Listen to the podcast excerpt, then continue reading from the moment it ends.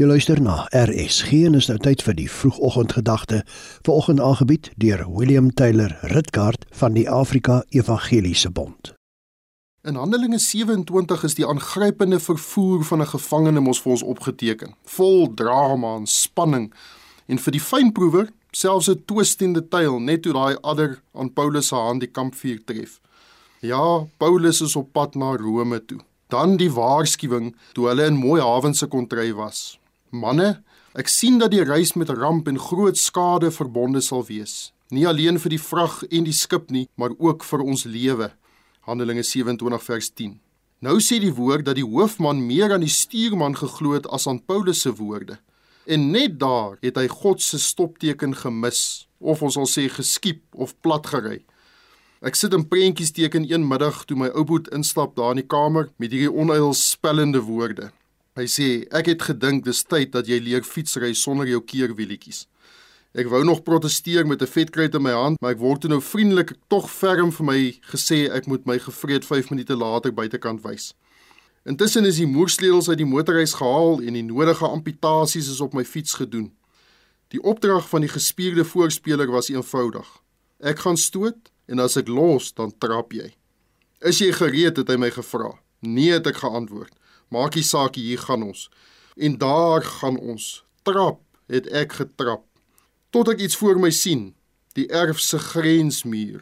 'n Oomblikke later my eerste hoë spoed ongeluk. Hoekom het jy nie gestop nie? het my broer so rukkie later uit asem vir my gevra.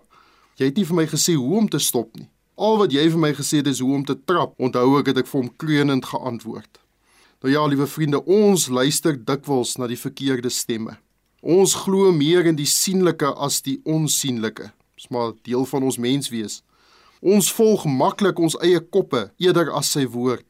Ons luister dikwels net halfpad na die stem van die Here. Dan die storm op die see, die vrees, die gevaar, die pogings, die golwe.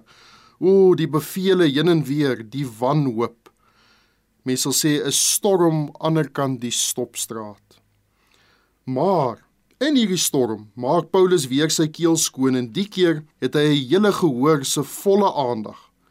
Hy sê daar in Handelinge 27 vanaf vers 21 tot 22: "Manne, julle moes na my geluister het, maar nou vermaan ek julle om moed te hou, want daar sal hoegenaamd geen verlies van lewe onder julle wees nie." En dit was ook so. Ten spyte van die ongehoorsaamheid, die ramp, die neerlaag, die wrakstukke, is God een wat beloof bewaar, bemoedig en nooit verander nie. Nou is ek en u dalk al by die stopstraat verby en besef dit met 'n kyk in die treespieël en die klank van die toeters en die sirenes van die lewe rondom ons. Ons sou vandag sê ons het God gefaal, maar vir sy kinders is daar steeds beloftes om aan vas te hou. Ek wil vir u sê vanoggend, liewe luisteraar, hou moed. Staan op. Draai terug. Daar is altyd en steeds hoop. Amen. Die vroegoggendgedagte hier op RSG is aangebied deur William Taylor Ritkaart van die Afrika Evangeliese Bond.